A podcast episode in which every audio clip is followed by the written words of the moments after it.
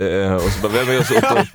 ja, vem är Otto Knows? Och bara, Otto, kan inte du berätta vem du är? Nej, Ja. jag. Precis, berätta lite om dig själv. Typ. Ja. Ja, heter du Otto Knows? Det kommer jag ställa frågor. ja, det kan du göra. Vet du att du heter Otto? Vet du det?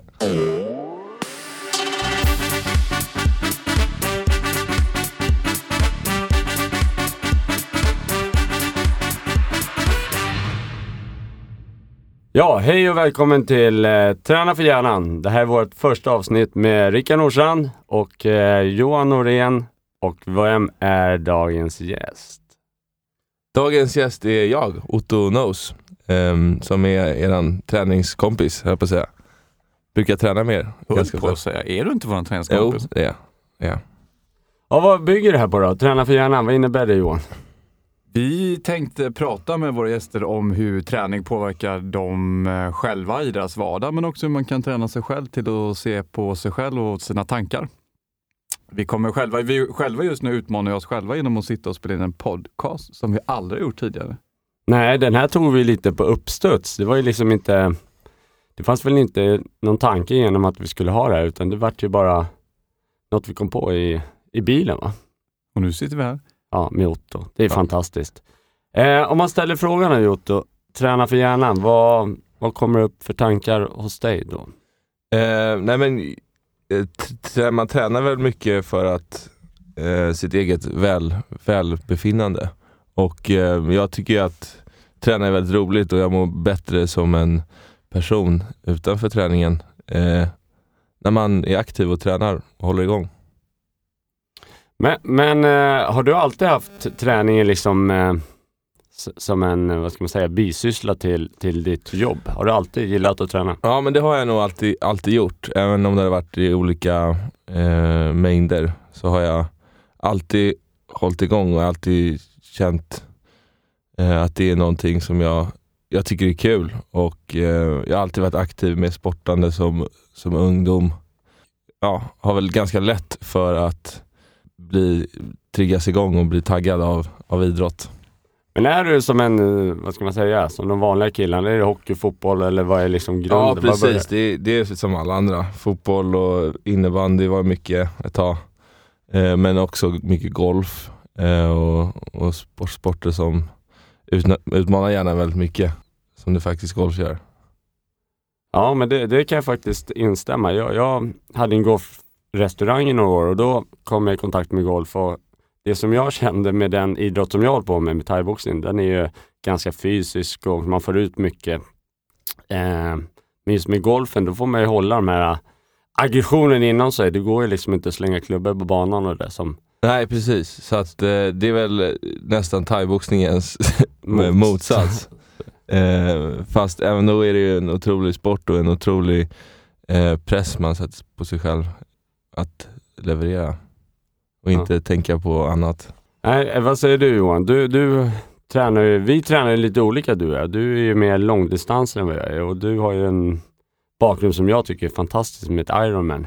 Hur kommer det sig att man liksom helt plötsligt får för sig att göra det? Eh, Ja, men det började egentligen med när jag var, när jag var sjukskriven så fick jag presenterat en, eh, en studie som var gjord på möss, där man hade tittat på möss och deras hjärnor, hur de påverkar det under fysisk aktivitet när de sprang i sina hjul. Och då visade det sig att hjärnorna på de här försöksmössen bildade nya hjärnceller och att man utforma, eh, utsöndrade många förelagda substanser i hjärnan som gjorde att de här mössen efter undersökningar visade sig må mycket, mycket bättre. Ehm, och den fick jag presentera för mig när jag var sjukskriven och ehm, började mitt Ironman genom att börja promenera Okej. på morgonen. Klockan åtta bytte jag ut min medicinstid mot träningstid och klockan åtta på kvällen bytte jag ut min medicinstid mot träningstid. Så att jag började promenera. Så att mitt Ironman började så som jag predikar själv med små, små, små, små steg och de höll jag konsekvent under ett par års tid och slutade med att jag gick i mål i Kalmar med en skön känsla av att jag hade startat Hey. en resa för några år sedan och det är Otto, små steg. är, är, är du, eh, vad, vad ska man säga, har du någon gång känt att du skulle vilja göra en Ironman? Är du liksom en sån person som vill hålla Alltså- på länge eller tycker du om att Nej, men jag, jag, jag har nog någon idé om att jag skulle eh, vilja och eh, någonstans skulle nog klara det, men när man springer där sin tredje mil liksom efter tre veckor i rad, då börjar det bli rätt tråkigt alltså. Mm. Ja, men Jag- där, där är nog du och jag lite samma kanske. För jag, jag tycker också, jag kan koncentrera mig en och en halv timme, sen tycker inte jag det är speciellt roligt längre. Nej, Det är det som skulle vara svårt för mig, i alla fall en utmaning. och just den här ensamheten, att det är mycket smärta och sånt ensam ute i, i skogen liksom, för att komma dit. Och som jag gärna, det är därför jag tycker det är så kul att träna mer och på, eh, i grupp som vi gör. Våra fredagar är också bra. Och våra fredagar. Legendariska fredagar. Ja, nej, men att, att, att träna i grupp är en helt ny grej som jag... Eh, ja, men det blir så mycket lättare att dela eh, smärtan och dela och ha väldigt kul samtidigt. Att man, man gör det tillsammans blir en annan eh, ja, motivation. Och eh, förut när jag tränade själv, då, då blev jag väldigt trött på att träna. Det var, det var verkligen en, en last. Liksom. Nu är det mer någonting man ser fram emot och ska bli otroligt kul. Och sen så hela det här eh, med eh, omklädningsrumskänslan som man Mm. saknar från lagidrott och sånt. Som man faktiskt får med. Nu är, nu är det som, som ett lag liksom nästan. Eftersom det är ungefär samma som är på, på de här passen som gör det jäkligt kul. Och människor som jag aldrig har träffat innan som man ändå hittar det här med. Vilket Ja. är kul. Men, men så, som, jag vet ju, du tränar i alla fall en fyra gånger i veckan. Mm. Eh, och eh, jag vet ju själv att man får, har fått frågan att det är många som skyller på att de har jobb, de har mycket restid och de är borta mycket och sånt där. Men du reser ju också väldigt, väldigt mycket. Hur får du Mm. in din träning när du är till exempel på resande fot? Ja, men jag, jag, tycker, jag prioriterar ju det också eh, och tycker att det är otroligt, lika skönt som det är att ta en dusch när man kommer fram, lika skönt är det att springa av sig eller eh, aktivera sig på något sätt. Eh, så att jag istället för att ligga och kolla på en film så, så kanske jag går ner och, och gör någonting i den träningslokal som finns i anslutning. För att jag tycker att jag mår bättre och kommer ha en bättre spelning, jag kommer vara mer på hugget än om jag legat och eh, ja, druckit en cola och käkat en påse chips framför någon dålig film. Eh, så uppskattar jag det. Och då, då är det väl, eh, då är man ju själv och det, det, det funkar men när man kommer hem och får träna i grupp och är ändå roligare. Ja, men men det där, där kan jag känna igen själv. Jag är ju, eller alla har väl det, att det är ju oftast att ta sig till träningen. Det är ju Ja. oftast där man får slåss med tankarna att liksom, fan jag har det ganska bra i soffan eller fan jag tränade igår eller fan jag kan träna imorgon. Eh, men är man i grupp och man ska ta sig dit och man kanske då har en kompis som man sagt att man ska komma med så är det lätt. Men när du är liksom utomlands och tränar, du måste ju också mötas med de här tankarna. Ja, absolut. Eh. absolut. Om man är jetlaggad och eh, ja, eh, det, det är tungt, man är trött för man har varit uppe sent. Och, men det går ju alltid att hitta en, hitta en lucka liksom och, och, och ta, det tar ju en 45 minuter att träna, det tar ju inte längre tid. Nej. Och sen efter så mår man ju som en eh, ny människa. Ja men så brukar jag också säga att eh, det är oftast liksom, man ångrar aldrig ett träningspass efter när man sitter i omklädningsrummet.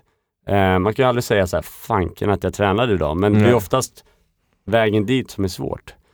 Och eh, som du Johan, som ändå ska ut och springa då i två och en halv timme. Där måste det bli ännu, Ja, Flera sådana det. tankar. Jag, jag har ju tränat med två relativt länge. Det är ju mer än snart, vad är det, tre, fyra år? Eller hur länge har vi kört ihop egentligen?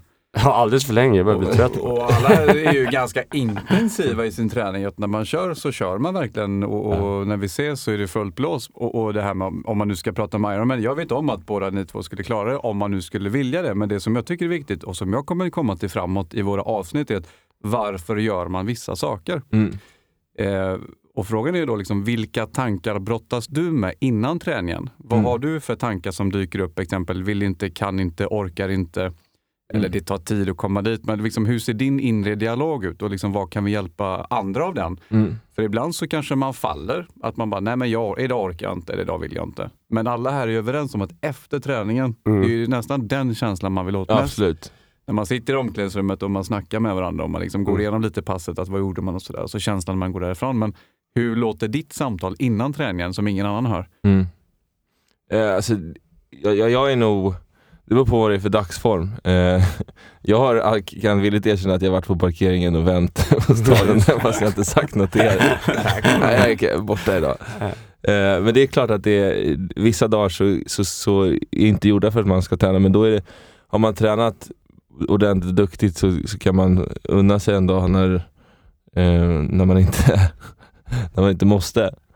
Eh, och det finns så mycket olika grejer man kan göra i, i, i istället. Att man behöver inte gå in och eh, springa tre mil, då kanske man kan göra något, ersätta det med något annat som man ändå tycker är lättare att komma över.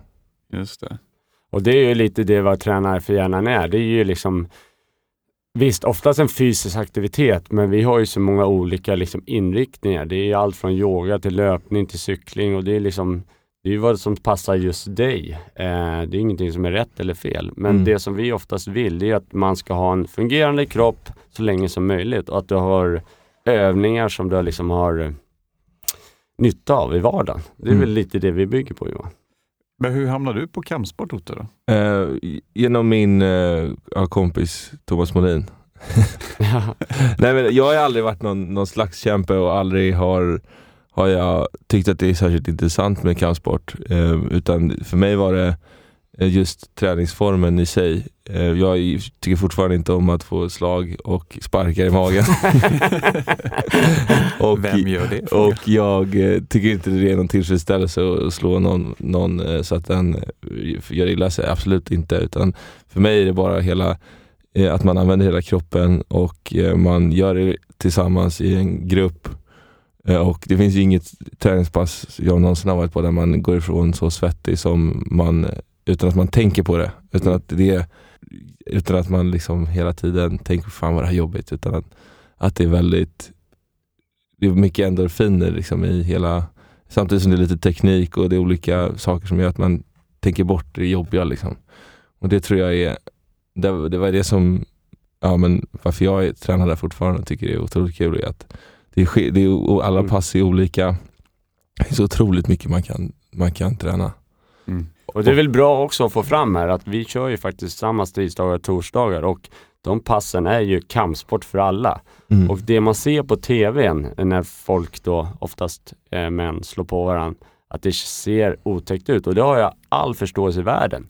Men det lilla man ser där, det ligger ju väldigt mycket träningstimmar bakom det där mm. som inte alls är att man står och slår på varandra. Nej. Och det är det som vi tränar, ja. eh, som jag tycker är fantastiskt allsidigt och bra. Det bygger ju liksom rörlighet, du får kondition, du får lite självkänsla och sen den gemenskapen som, jag, som, som du säger Otto också mm. är helt fantastisk.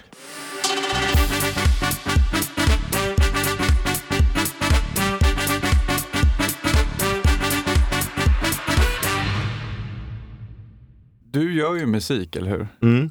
Kan du märka skillnad i hur din kreativitet påverkas innan eller efter ett träningspass? Har du liksom gjort någon sån här, ja, men jag känner nog efter att när jag har tränat så känner jag mig mer eller mindre kreativ. Hur, hur är din upplevelse? Ja, alltså, det är väl mer som en som person eh, runt omkring att jag blir ja, men, ganska ja, men, energilös liksom, eh, skulle jag säga. Om jag inte tränar på, på under en längre tid. Att jag inte orkar och eh, ja, men, blir mindre aktiv eh, glad person, tro, tror jag, upplever jag.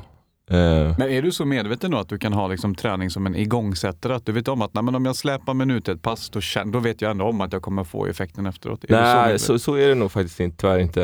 Eh, för kreativitet kan komma så fruktansvärt konstiga grejer och eh, träningen har jag nog inte som ett redskap för att driva fram kreativitet utan mer för att orka eh, sitta långa pass i studion och för att kunna sitta där i 15 timmar i rad utan att behöva gå på toa i stort sett. Men hur, hur kan en arbetsvecka då eh, se ut för dig eh, med träningen?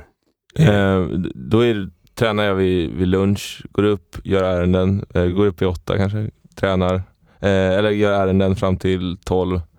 Mm. Eh, olika svar på mail och allt sånt tråkigt. Det riktiga jobbet liksom. och sen så träning vid tolv och sen eh, till studion, äter lunch och sitter där till ja, så länge jag orkar. Men, men så länge, hur, du säger att du jobbar 15 ibland, timmar? Ibland går jag och lägger mig, åker jag hem vid nio när det inte hänt någonting och man sitter och bara tycker allt är tråkigt och ibland sitter jag till tre, fyra på, på natten. Okej. Mm. Sitter man själv då och sitter och... och Mm, det, är väldigt, det är därför jag tror att det är det här återigen, att träna i grupp är en sak som jag har saknat. Och att, eftersom att hela jobbsituationen är väldigt ensam. Ja. Eh, även fast jag har glada eh, som jobbar med mig och runt mig så är det ju det, det mesta jobbet görs, jag är själv liksom. Eh, och sitter ensam. Så det uppskattar jag också men det är otroligt kul att få Mm. ha träffat folk under dagen. Och, Mm. Ja, och sen, sen så, det, den bilden jag har lite fått av dig Otto, det är att du är ganska mån om vad du äter, du är mån om din hälsa, du tar inga droger. Eh, du är liksom en, en bra förebild för många. Hur, hur har det liksom blivit så? Jag tror att det är för att jag har haft förebilder som, eh, som eh, beter sig ordentligt. Eller som, eh, som jag är ganska glad för det jag har i, eh, i mitt liv och jag skulle inte vilja ändra på det och behöver inga ännu mer eh, spänningsmoment, jag att säga. Och eh, jag tycker om mat som är, jag tycker fräsch mat är den godaste maten. Jag har aldrig varit någon godis eller läskfreak liksom knappt druckit läsk när jag- var liten, när jag fick. Ehm, och eh, men jag, jag tycker allt är, allt är rätt kul som det är. Jag behöver inga droger för att eh, jag dricker självklart alkohol. Självklart, men det gör jag. Mm. Eh, ibland i stora mängder, ibland eh, måttligt, ibland inga alls. Ehm, men eh, nej, men jag, jag tycker det är, det är skönt att känna sig fräsch och, och vara på hugget liksom hela tiden. Att inte Ja, men, sen jag började träna har jag, jag hade otroliga ryggproblem förut. Eh, att jag som väldigt ung, liksom jag är 18, så började jag få väldigt ont i ryggen. Eh, nästan ryggskottsaktiga eh, ja, men besvär. Mm. Som jag inte har känt av på ja, sen jag började träna ordentligt. Grymt. Jag är aldrig sjuk. Förut var jag ju sjuk väldigt mycket. Eh, förkyld. Eh, och det var otroligt länge sedan jag var förkyld. Men, men var kommer Otto Nos ifrån? Är du från Stockholm? Eh, Jag är, heter Otto Jättman egentligen, eh, från Stockholm och eh, ja, har sysslat med musik Ja. på längden och tvären. Ja, men du är från Åkersberga från början, eller? Nej, jag är från Stockholm, från Stockholm. innerst, inne, innerstaden, uppväxt i, i, i lägenhet Ja. och ett stenkast från stadion där vi tränar nu. Men, men om jag uppfattar det rätt, så du och Tim gick i samma klass, Avicii? Ja, Eller? precis. Jag och eh, eh, Tim gick i samma skola och samma klass eh, och är uppvuxna i samma, samma ålder och samma Men hade ni det intresset i skolan också med musiken tillsammans? Nej, nej. musik eh, var något som kom på gymnasietiden. Så att det var så jag kom in på det. Mycket tack vare Tim faktiskt. Och jag sitter och funderar på det här med, jag, jag är ju väldigt intresserad av det här med tankeprocesser och få vara, möta väldigt många människor i sina tankeprocesser.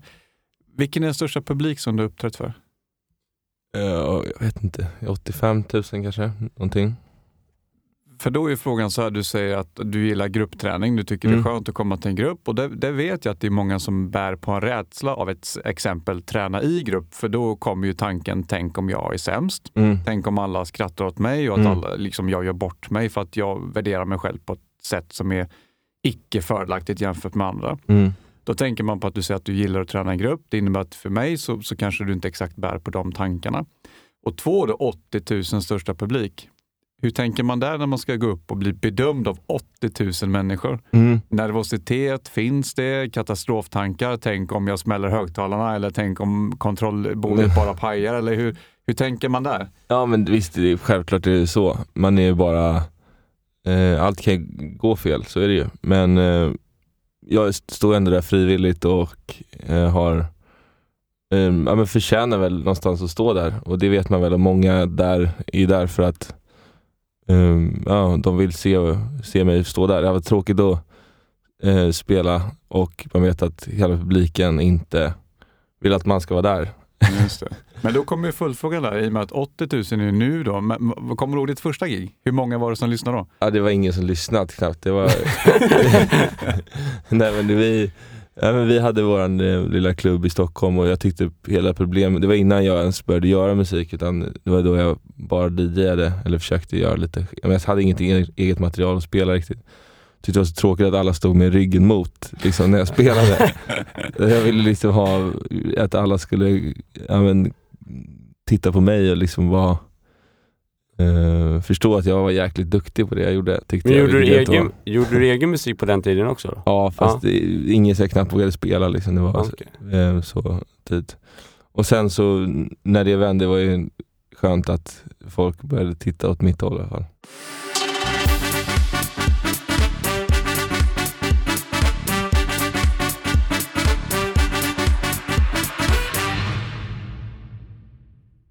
Men hur har den resan varit då? För träna för hjärnan för mig just i den här frågeställningen blir att man kan bli duktig på det som man tränar på. Mm. För du börjar ju inte på en publik på 80 000 personer, Nej. du börjar där ingen i princip lyssnar.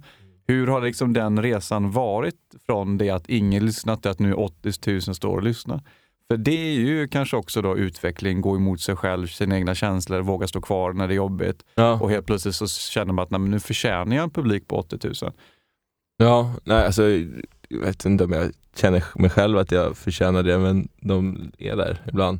Men, Ja. Nej men det tycker jag, just när du sa det, förtjänar det och det gör det ju. Jag tycker det, det är väldigt så här osvenskt att säga det, men vad fan, våga säga det. Fan jag är bra, jag är Ja. duktig Nej, och det, det, det- tycker jag man ska. Jag tycker bara att eh, det är kul varje gång det kommer. Var, ibland spelar jag fortfarande för 500 pers liksom. Mm. Och så fort Men nu kanske de i alla fall är vända mot dig, än vad ja, första precis. är vända mot ja, men precis. Och då, även om det är 500 pers så, ja, men några är, har sett fram emot den här kvällen hur länge som helst så är det en, det ger en otrolig kick liksom Mm. att se folk och ja, men, har gått dit för att de, eh, de verkligen, verkligen tycker om det jag har suttit och knåpat ihop och åstadkommit. Liksom. Eh, det, det ger en, en otrolig eh, kick och därför man tycker att det är otroligt. Men sen kan det vara två och det kan vara hundra och det kan vara, det spelar inte så stor roll. Och har, så länge det kommer några som, eh, så står jag gärna där ett tag till för att verkligen ge, tacka för att de eh, ja, stått och hejat på Just det. vägen. Jag, jag fick ju faktiskt vara och kolla på din spelning förra sommaren där på Grannelund. Mm. Och jag vart ju väldigt så här, men imponerad, lite starstruck och liksom, man såg att liksom bara det här bildspelen bakom och då fick jag fråga, då frågade jag dig liksom, då Mm. är det någon som sköter bara det och så ska det gå tillsammans med musiken till rätt och liksom, Mm. hur många är det? Du står ju där och spelar dina låtar, men runt Mm. omkring på en sån här spelning, hur många är det i ditt crew om man säger?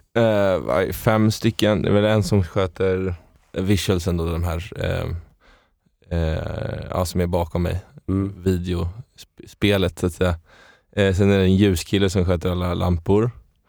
Eh, en pyrokille som sköter alla effekter, eh, såsom smällare och Fan där Johan, det kanske är ett jobb för oss. Dra några raketer. Tända på en liten raket på slutet. och sen så är det Fredrik som är min eh, tourmanager som håller lite överblick över allting. Liksom. Ja.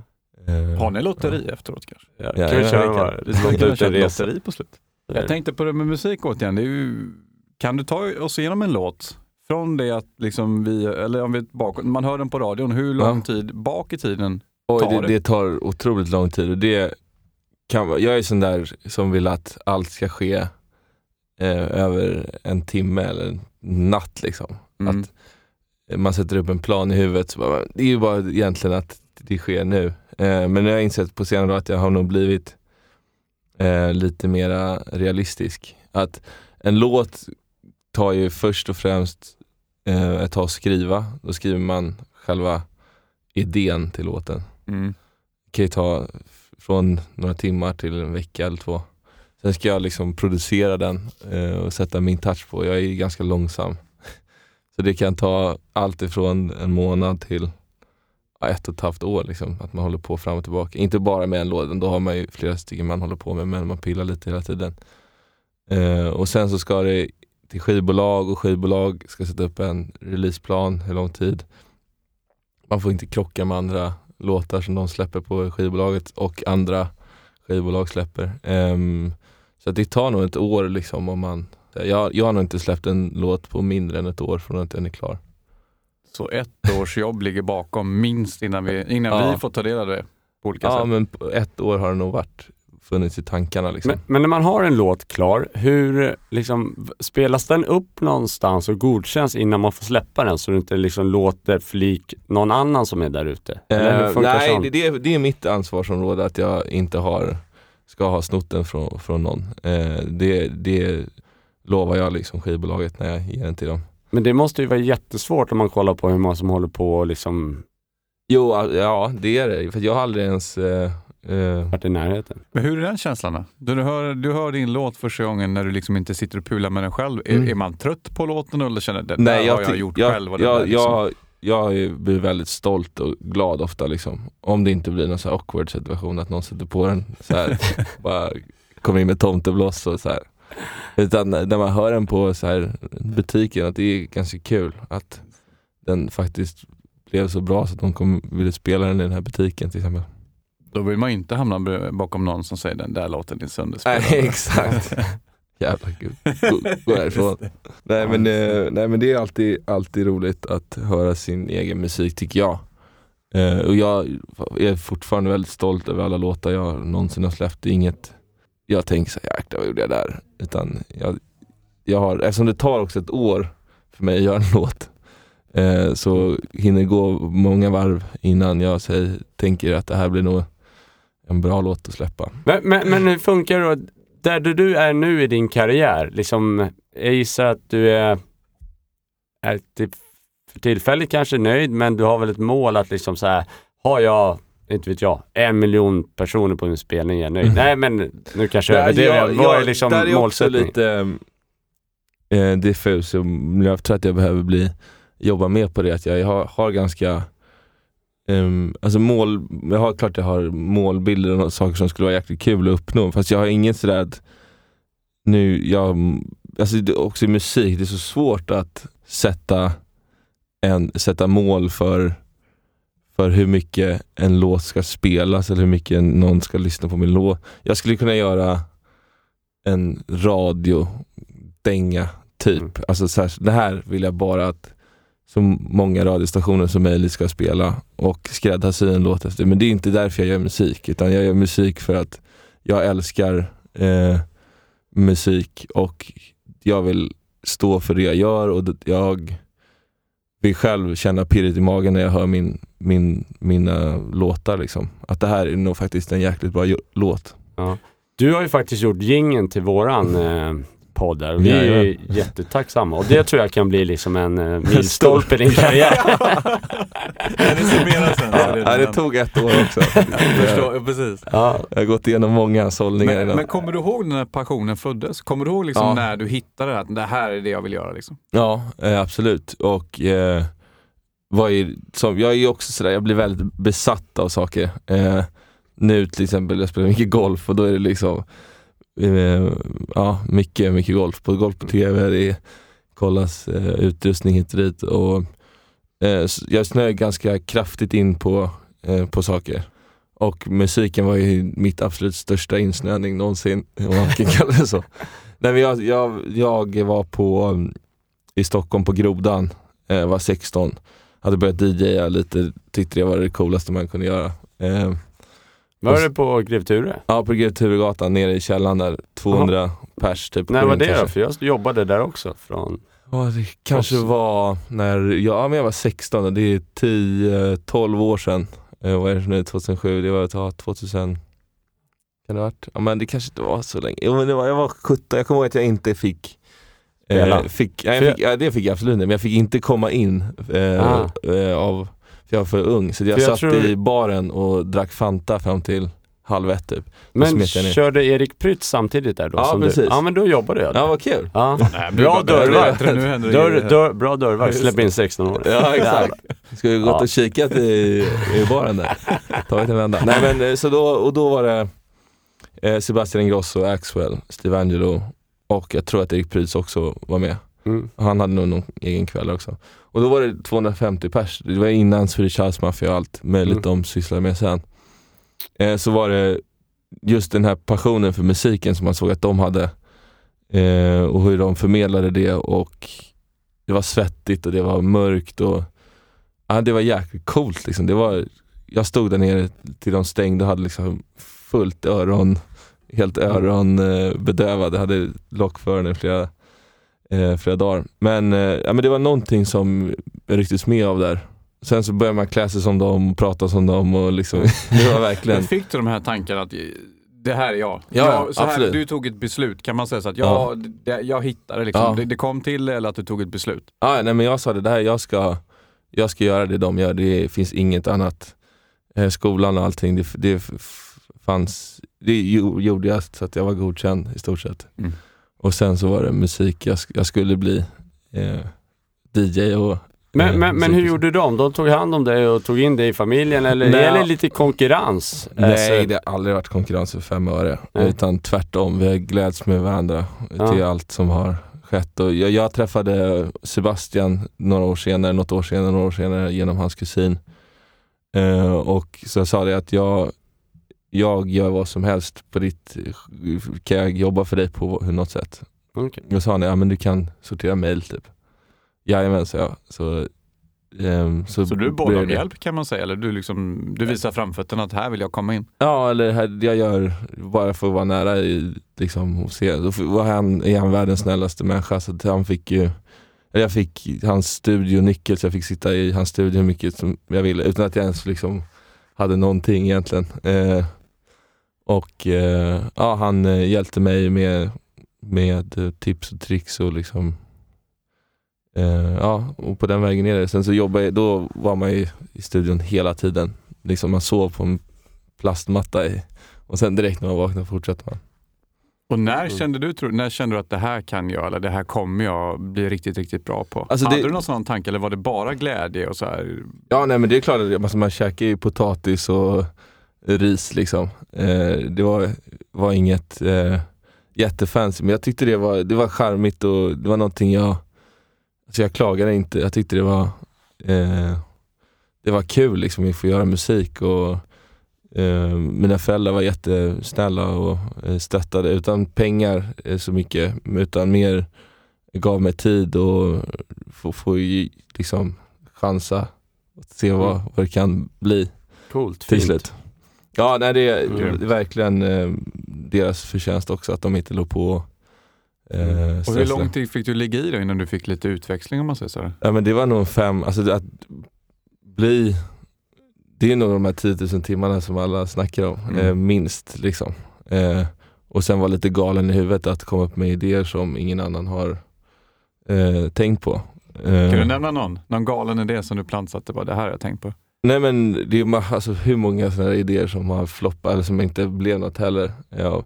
Men jag tror när man är ung och sådär eh, inte har något att förlora, då, har man, då kan man liksom testa jäkligt mycket sjuka grejer utan att någon, någon märker det. Eh, och sen så, ja, på den, ja, till exempel Million Voices då var ju min, så jag faktiskt kunde äta annat än ris. Min, min första Hit. hit.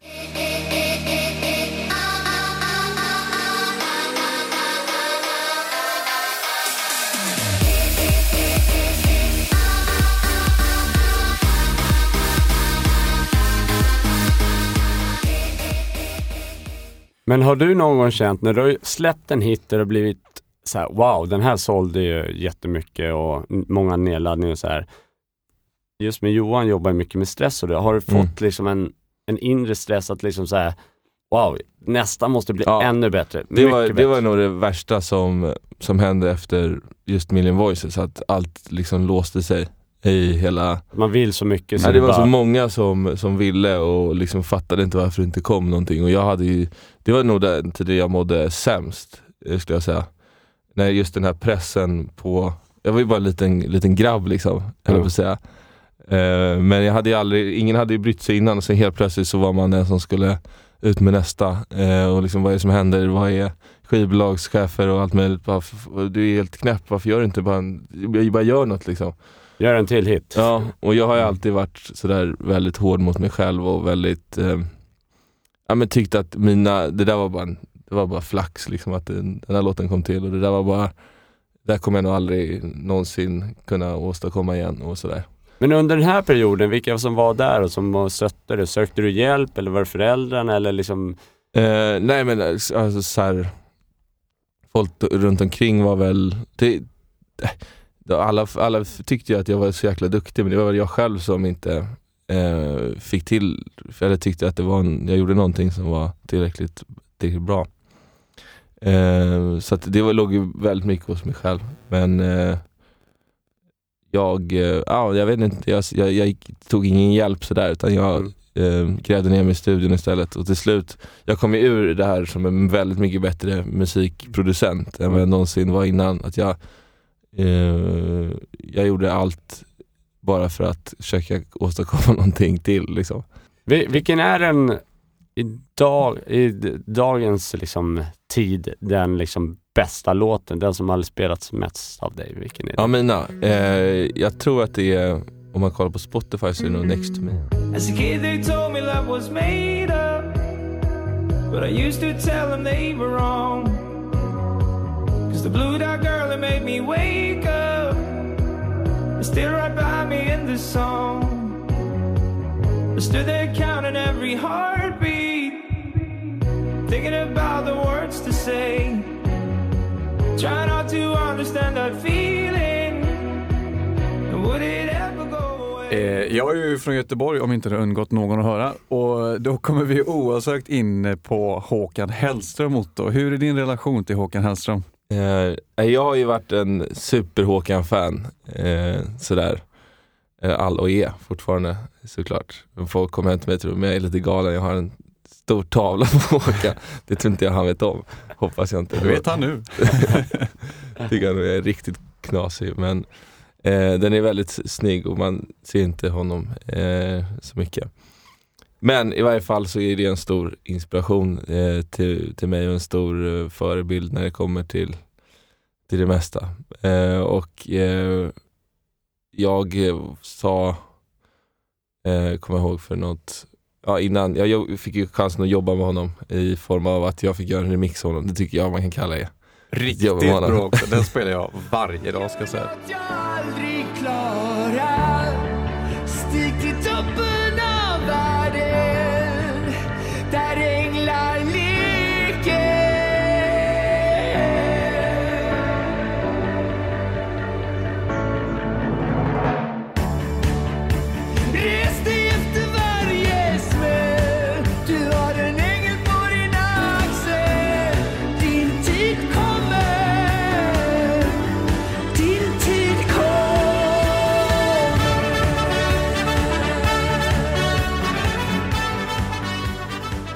Men hur funkar ett sånt samarbete då? Att man ringer upp så här, tja Håkan, jag skulle vilja låna en låt. av dig." Nej men tvärtom, det var det som var så himla kul. Eh, att det var han som eh, skrev till mig. Eller jag, jag, jag, jag, jag har fått tag i hans mailadress på något, något hörn.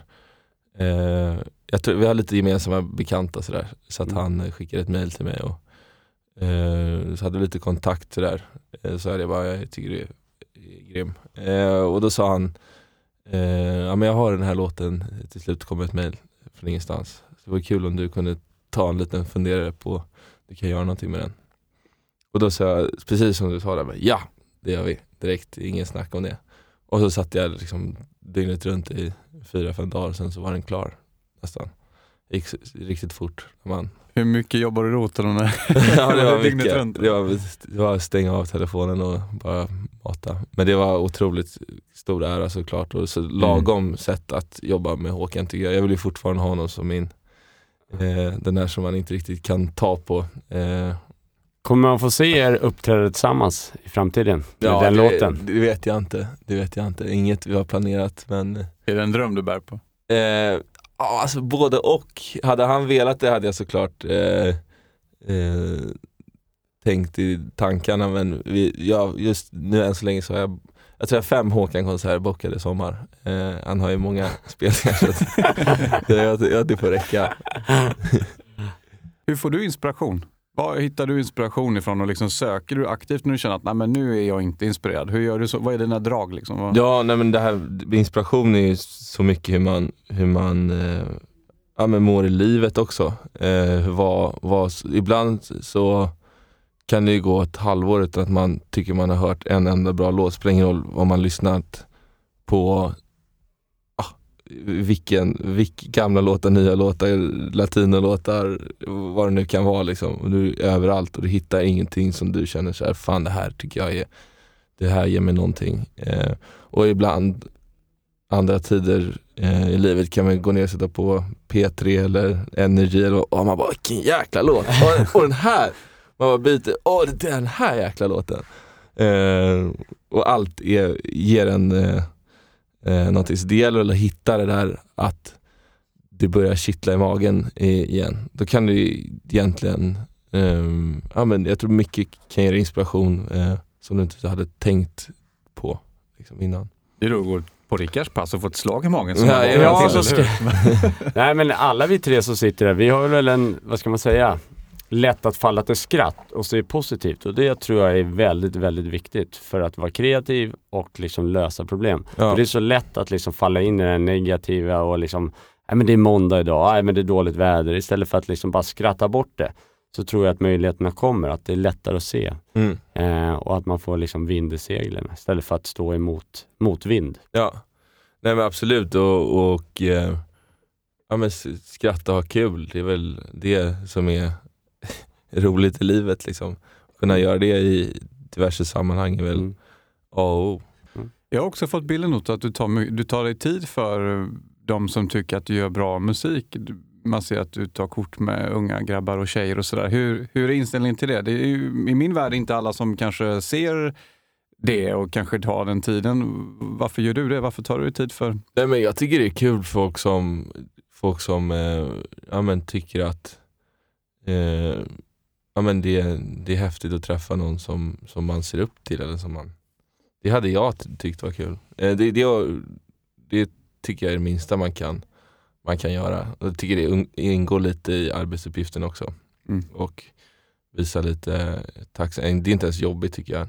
Eh, förutom folk som tar bilder när de inte ens vet vem man är men ta en bild, det ska tydligen, man ska tydligen göra det här. Just det. det är inte så kul. Men eh, det, är alltså folk som, som kommer fram och ja, men, ger presenter eller säger att det här du har fick mig att bla bla bla gå igenom det här. Eller, eh, det är otroligt, um, otroligt att känna, känna den känslan och dela det med någon.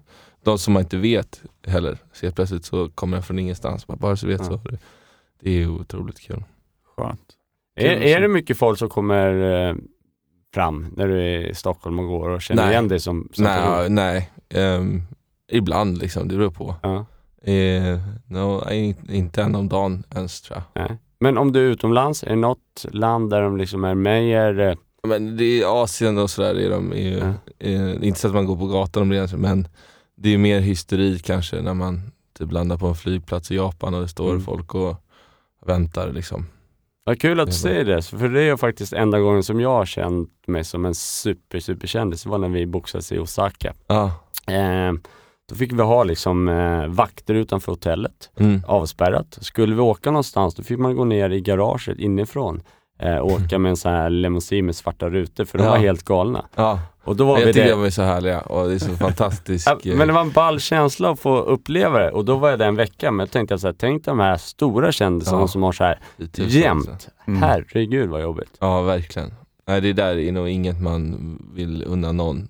Att inte ens kunna eh, gå ner och äta lunch. Eh, var man än befinner sig i hela världen. Det måste ju vara helt fruktansvärt. Att hela tiden ha ett koppel som springer efter en. Ja. Just, men nu också med alla har ju en kamera i fickan. Det är, så, måste ju vara jätteskillnad mot autografjägare. Liksom. Mm. Att nu, nu ska du bild och du kan inte liksom peta i näsan bakom en För då, för då finns det någon som har det på, på film eller bild. Men då kommer vi in på det här med, som ändå kan vara en stress för många, att man kanske är uppvaktad. Hur, um, hur är din relation till stress? När Eh. känner du dig stressad och om i så fall hur och när och var? Eh, men stress är ju när man, när man eh, Alltså jag jobbar ju så mycket, allt är upp till mig egentligen. Vad, det, är, alltså väldigt svårt att eh, ja, slappna av när det ska ut, en låt ska, måste vara klar. En, må, en låt ska liksom, nu har vi inte gjort någonting på väldigt länge, nu måste det liksom eh, levereras någonting. Och det, det, det är en press som man också vet att det här jobbet innebär. Liksom. Och det, det är en konstig känsla att försöka vara kreativ och prestera när man också har stressen. Och jag är, är mest kreativ och mest ja, men, eh, lekfull kanske när jag går till studion en lördag eller söndag. När jag inte riktigt egentligen inte måste vara där men det är kanske så att jag, då känns det som en, en fri dag liksom, när man får göra vad, vad som helst. Mm. Och då kan de bästa idéerna komma från ingenstans. Det där är ju sjukt spännande, för vi pratar mycket om det här med kreativitet och lek när vi var barn. Mm. När vi var ute och lekte utan press egentligen, där vi Mm. bara lärde oss nya saker. Sen händer ju någonting när vi blir vuxna. När Mm. vi ska, det vi Mm. förväntas kunna saker, så låser det sig för många. Ja. Och man hellre avstår för att man inte vill misslyckas, eller man är rädd för att hur ska någon annan tänka om en själv. Och du säger att Nej, men min kreativitet, eller det, det kommer när jag går ner och leker i studion. Mm. Det Ja, där men är, det är sjukt så- spännande. Mm. Jag sa det för jag kollade på det här äh, med Mästerkock, de här små Mästerkockarna. Just det. är mitt absoluta favoritprogram. För de har ju som du säger, de har ingen som helst press och de, är, Nej. de bara sjunger lite samtidigt och svarar på en fråga lite osammanhängande. Men man, man kommer ihåg hur, hur eh, livet var liksom leka och ja, men gå i skolan. Sen var det li, liksom lek. Lek, ja, Mm. precis. Eh, mycket som, eh, som snurrar runt i huvudet och härligt liksom.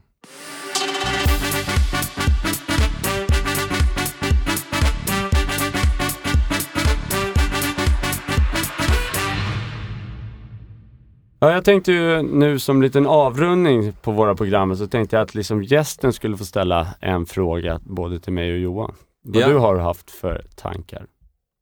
Eh, min tanke idag är, ska vi komma på någonting som är bra. Jag kan ju fråga Johan hur, hur såg din eh, kampsportsbakgrund eh, ut innan du träffade Rickard?